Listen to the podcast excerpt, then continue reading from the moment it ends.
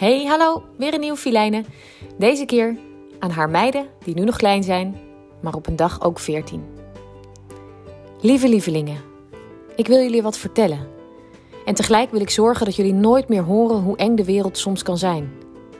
Ik wil jullie dingen uitleggen die ik nooit wil zeggen. Omdat ik niet wil dat jullie begrijpen dat je voorzichtig moet zijn. Omdat ik niet wil dat jullie snappen dat je als meisje kwetsbaar bent. Omdat ik niet wil dat jullie je onschuld en je vrijheid verliezen. Ik wil dat jullie verliefd durven worden. Dat jullie kriebels krijgen van leuke jonge jongens. Dat jullie het spannend vinden als hij een berichtje stuurt of langs je loopt en je een knipoog geeft.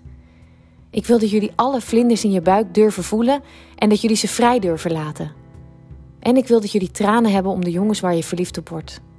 Omdat ze jou misschien iets minder leuk vinden dan je hoopte. Niet omdat ze je pijn doen of erger nog. Ik weet dat jullie in een andere tijd opgroeien dan ik. Ja, ik ben hopeloos ouderwets en ik snap helemaal niks van de tweedimensionale wereld waarin jullie elkaar allemaal leren kennen. En ik moet bekennen dat die wereld van jullie me bang maakt. Ik vind het geweldig om te zien hoe snel jullie zijn met wereldwijd nieuwe, nieuwe vrienden maken. Hoe makkelijk jullie filmpjes en berichtjes delen met kinderen die tienduizenden kilometers verder leven.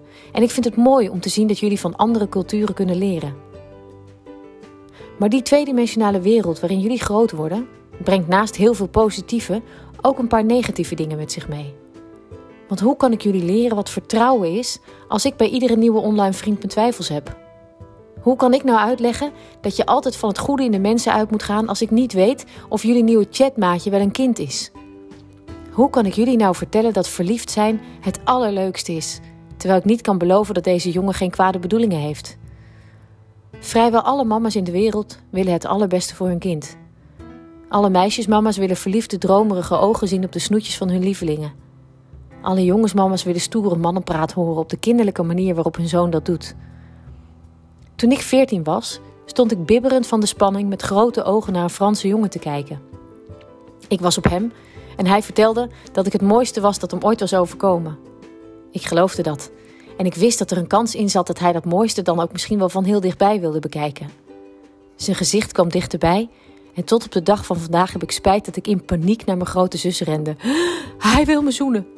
Ik snap dat jullie op je veertiende misschien wat moediger zijn. Dat jullie niet zo oenig bang zijn en gewoon met gesloten ogen en gespitste mond op die kus gaan zitten wachten. En ik gun jullie dat zo. Maar lieve meiden, alle drie, hou je ogen dicht en hou je mond gespitst. Maar hou ook je ogen open. En luister heel goed naar wat je buikje zegt. Daar zitten namelijk niet alleen vlinders. En als we dan op het punt zijn beland dat je mijn woorden echt niet meer aan kunt horen, beloof me dan dat je altijd naar je eigen woorden zult luisteren. En dat je die woorden nooit laat verstommen door wat andere meiden zeggen of doen. Dat je ze nooit laat overschreeuwen door wat jongens tegen je roepen. En dat je altijd alleen maar dingen doet die je heel gelukkig maken. En als je twijfelt, kom dan naar me toe. Ik vind niks gek, raar of stom en ik zal mijn best doen je wakker te houden zonder je uit je droom te halen. Liefs, mama Filijnen.